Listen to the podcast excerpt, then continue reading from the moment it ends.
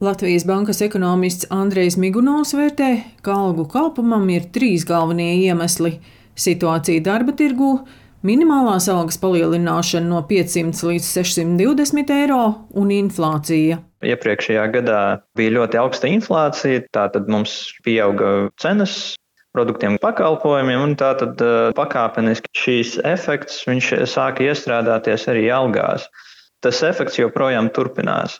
Vēl mums tā tad ir arī minimālās algas kāpums, kas ietekmē arī šādu ceturkšņa statistiku.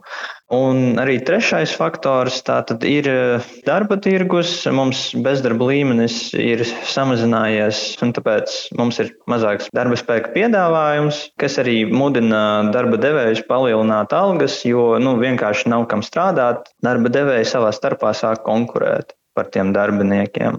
Demogrāfiskās situācijas dēļ darba tirgu ienāk mazāk jaunu cilvēku nekā dodas pensijā.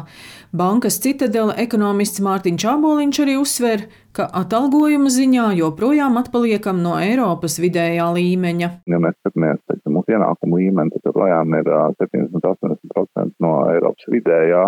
Tad, nu, ienākuma konvergence, lai cilvēki, teiksim, palikt Latvijā, nebraukt prom un no darba devēja atrast darbiniekus algas ir eh, jāceļ, un faktiski nu, šīs procesas arī turpinās, to mēs redzam. Un visticamāk, nu, teiksim, kādā pārstāvā nākotnē algas Latvijā turpinās augt, jo noķert Eiropas video līmeni vēl, vēl tik ātri neizdosies. Savukārt, teiksim, tā demografiskā situācija strādājošo skaits samazināšanās tur nekādas izmaiņas nav tuvākā laikā gaidām. Latvijas Universitātes biznesa vadības un ekonomikas fakultātes lektore Līga Leitāne vērtē, ka algu pieaugums joprojām nekompensē inflāciju un tarifu kāpumu. Mēs visi redzam, ka šis sadārdzinājums ir krietni lielāks nekā oficiāli statistika mums nu, nosauc šo ciparu. Neskatoties uz algu pieaugumu, reālais dzīves līmenis iedzīvotājiem kopumā ir pasliktinājies. Piemēram, tajā brīdī, kad cenas ceļas uz augšu, tur siltumapgādes tarifi tur būs uh, lielākie par 30, par 40 procentiem. Ja?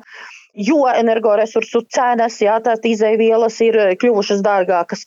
Bet tad, kad viņas ir pazeminājušās, tad samazinās par 3,5%. Pat šī auga, šī brīža kāpums nav nosedzis to dzīves līmeņa samazinājumu, kas ir bijis iepriekšējā periodā. Arī straujais kredītprocentu kāpums ir viens no iemesliem algu pieaugumam, turpina Līga Leitāne no Latvijas Universitātes. Līdz ar to jautājums ir par konkurētspēju uzņēmumiem, iedzīvotājiem par viņam maksātspēju, jo viņam ir objektīva vajadzība pēc lielākas darba samaksas. Tā alga pieaugums nenokompensē to dārdzības pieaugumu, kas faktiski ir bijis. Un rezultātā tad jautājums, ko dara tas cilvēks? Cilvēkam nesaņemot pietiekami adekvātu algu, viņš aiziet uz citu nozari. Tajā citā nozarē viņš, protams, mēģina arī dabūt šo lielāko algu. Nu, rezultāts ir tāds. Bremzējoties Latvijas ekonomiskajai izaugsmēji, algu kāpums turpmāk būs lēnāks nekā līdz šim, tomēr turpināsies, un to veicinās arī nākamgad iecerētā minimālās algas palielināšana. Daina Zalamane, Latvijas radio.